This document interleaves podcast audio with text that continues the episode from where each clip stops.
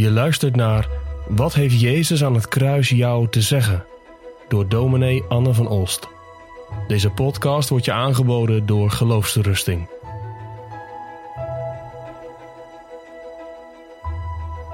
Het eerste kruiswoord van de Heer Jezus vind je in Lucas 23, vers 33 en het eerste stukje van vers 34. En het kruiswoord staat zelf in vers 34.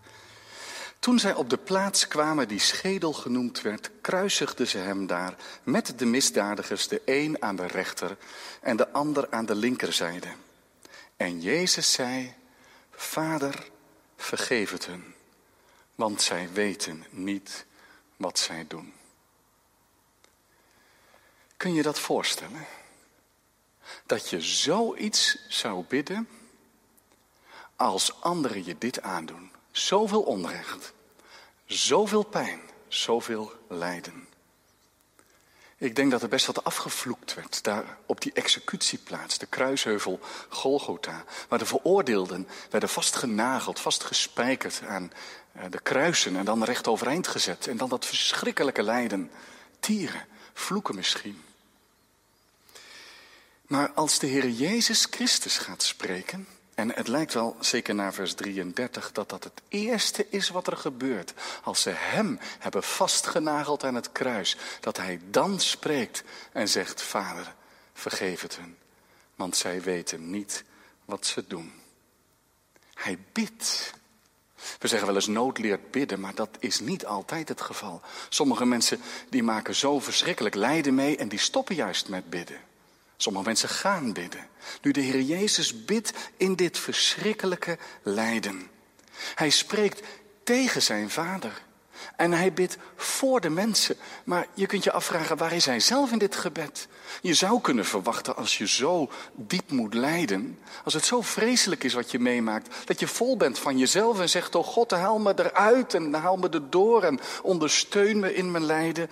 Maar hij lijkt zichzelf te vergeten. Hij verloochent zichzelf. Hij bidt tot zijn vader en hij bidt voor de mensen.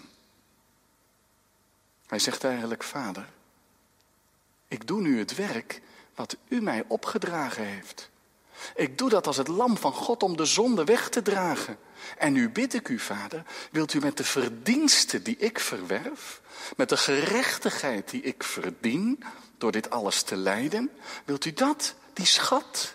Wilt u dat uitdelen aan die mensen? Die mensen daar die zo blij zijn dat ik hier hang, of die er volstrekt onverschillig onder zijn, of er zelfs mee spotten. Wilt u van mijn werk uitdelen aan hen? En zo is hij in zijn meest bittere lijden met de redding van zondaars bezig. Hij bidt hardop.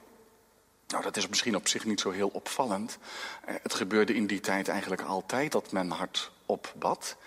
Maar nu is het toch opmerkelijk, want wij moeten ervan weten. En niet alleen wij, de Jezus heeft het hardop gezegd, heeft het niet gefluisterd naar zijn vader, hij heeft het hardop gebeden.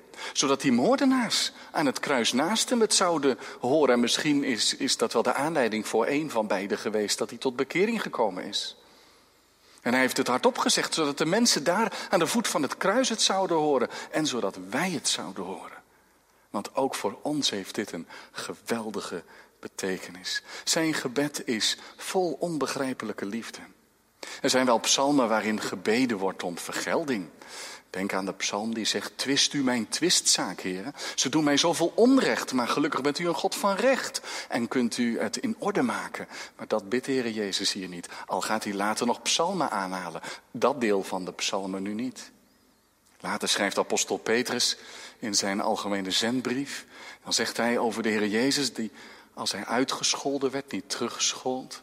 En als hij leed, niet dreigde, maar het overgaf aan hem die rechtvaardig oordeelt. Maar hier gaat het nog verder. Hij draagt het niet over aan God en vraagt niet, wilt u dan maar rechtvaardig oordelen? Hij vraagt, vader, wilt u dit alstublieft vergeten? Wilt u het vergeven? Wilt u ze er nooit om straffen? Hoe erg het ook is wat ze hebben gedaan, wilt u het alstublieft vergeten? Hoe kan dat? Hij kan dit bidden omdat zijn vader dit gebed begrijpt. Zijn vader is precies zo. Hij heeft uit onbegrijpelijke liefde zijn zoon naar de wereld gestuurd. Zo lief had hij de wereld dat hij zijn enige geboren zoon gegeven heeft. Opdat een ieder die in hem gelooft niet verloren zou gaan, maar het eeuwige leven zou ontvangen. Hij begrijpt dit gebed. Hij is een God die graag vergeeft en daarom zijn zoon geeft. En hij kan dit bidden omdat het is zo vader, zo zoon. Het is ook een gebed waarin het hart van de Heer Jezus Christus tot klinken komt. Hij wil dat zij het horen, hij wil dat wij het horen. Hij wil uit liefde dit voor die mensen bidden. Die blij zijn dat hij aan het kruis hangt. Ik zoek hun behoud. Hoe erg de verwerping ook is. En de marteling. En de spot. En de haat. Er is vergeving. Voor wie bidt de Heer Jezus? Er staat bij, zij weten niet wat zij doen. Nu, dat zinnetje moeten we goed begrijpen. Sommigen hebben wel gezegd, nou, dat heeft hij dan gebeden voor de Romeinen, want dat kan hij toch van de Joden niet zeggen, want die wisten het wel. Hij had het toch duidelijk gezegd. Maar dat is maar de vraag, want weten en weten is twee. Hij weende eens over Jeruzalem, omdat zij niet wisten dat dit de dag van de zaligheid was, de dag van hun redding. Ze wisten het niet, maar ze hadden het kunnen weten, want hij had het ze verteld. Weten en weten is twee. Weten wij het? Weten wij wat we doen? Altijd als we zondigen, als we blindelings langs dat machtige evangelie heen leven. Als we ons niet met heel ons hart en met een verbroken hart ons bekeren tot Hem en is onze bekering altijd zo volmaakt, kunnen we ooit dat machtige wonder van het evangelie van Jezus Christus op volle waarde schatten? Als we ons niet bekeren, dan weten we werkelijk niet wat we doen. Maar als we de Heer lief hebben en we zondigen nog eens en we struikelen, we weten niet wat we doen. Ik wil maar zeggen, de Heer Jezus bidt dit voor zijn vijanden. Voor spottende en schreeuwende mensen die het prachtig vinden dat hij gekruisigd is. Voor die Romeinse soldaten, de brute beulen, die onverschillig zijn bij zoveel pijn en lijden. Dus niet maar voor mensen die daar op Golgotha aanwezig zijn met een verslagen, verbroken hart en zeggen, oh God, wees mij de zondaar genadig. En de Heer Jezus zegt eigenlijk, Vader, ik bid wilt u hen vergeven? Want zelf vragen ze er niet om. Ze vragen wel wat anders. Zij vragen, kom af van dat kruis als u toch de zoon van God of de Christus bent. Dat vragen ze. Voor hen heeft de Heer Jezus gebeden. En daar ligt het hele evangelie in. Als Paulus later dat machtige evangelie samenvat in de Romeinenbrief, dan zegt hij, God bevestigt zijn liefde voor ons. Dat Christus voor ons gestorven is toen wij nog zondaars waren. En dat woord zondaars, dat is echt zondaars Punt. Zondaars zonder meer. Pure zondaars. Slechte zondaars. Geen bekeerde zondaars. Geen goede zondaars. Geen zondaars die zo prachtig zoeken kunnen. En zo goed stille tijd kunnen houden. Of die zich al een beetje bekeren. Nee, zondaars zoals je zondaar bent. Zonder meer. Dat is het evangelie. Dat die liefde van God tot zondaars komt. Dat hij gekomen is om te zoeken en zalig te maken. Dat verloren is. En dat doet hij hier tot aan het kruis.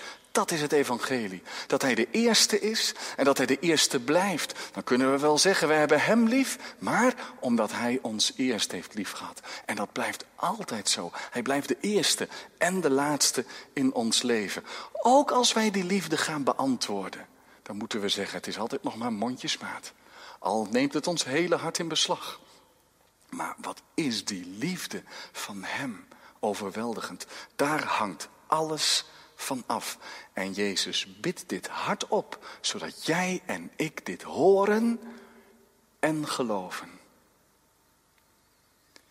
En weet je, als dit kruiswoord bij je binnenkomt, komt dat bij je binnen. Dan gaat het je leven veranderen. Reken maar, het raakt je. Het wordt zo'n wonder voor je.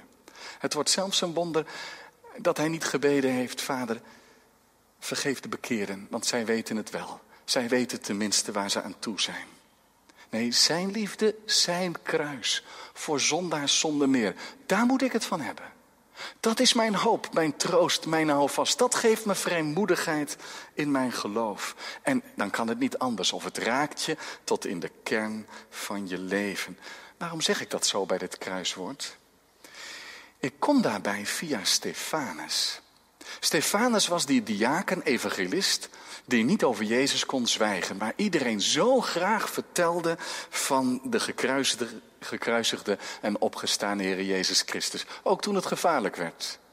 En ze sleurden hem door de straten van Jeruzalem, wierpen hem buiten de stad Jeruzalem en ze gingen hem stenigen. En terwijl de stenen tegen zijn lichaam aanbeuken en tegen zijn hoofd, dan valt hij neer en zegt hij nog twee dingen. Nu, op zo'n moment kun je niet nog even bedenken wat je nog mooi zeggen kan. Maar dan komt er naar boven wat er leeft in je hart. Dit was dat bij Stefanus. Hij zegt, Heere Jezus, ontvang mijn geest. Naar het laatste kruiswoord van Jezus. Maar als hij dan neervalt, zijn dit zijn laatste woorden. Heere, reken hun deze zonde niet toe.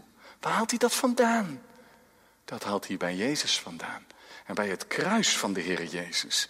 Dat is wat genade uitwerkt in je hart. Bij Stefanus was heel erg duidelijk dat hij de Heer Jezus lief had. Maar ook dat dat kruiswoord van Heere vergeef het en wat zij weten niet wat zij doen. Dat dat bij Stefanus naar binnen was gegaan. Hij had dat zo lief gekregen. Hij had er het leven in gevonden. Hij leefde eruit. Jij ook? Dat moet je doen. Mag ik je eens vragen? Zou je het kunnen begrijpen? Dat je dan ook dat mee gaat bidden met de Heer Jezus en met Stefanus? Dat die liefde van de Heer Jezus als het ware in je een, een bron wordt? Die overloopt naar anderen toe? Dat je niet gevoelens van wraak en vergelding overhoudt en van bitterheid?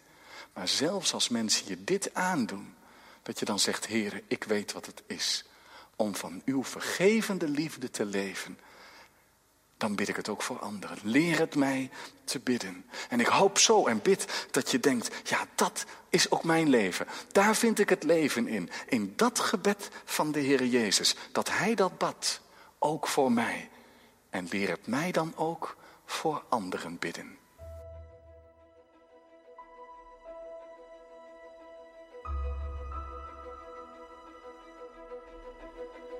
Je luisterde naar een podcast van Geloofsterusting. Wil je meer luisteren, lezen of bekijken? Steun dan onze missie en ga naar de website geloofsterusting.nl.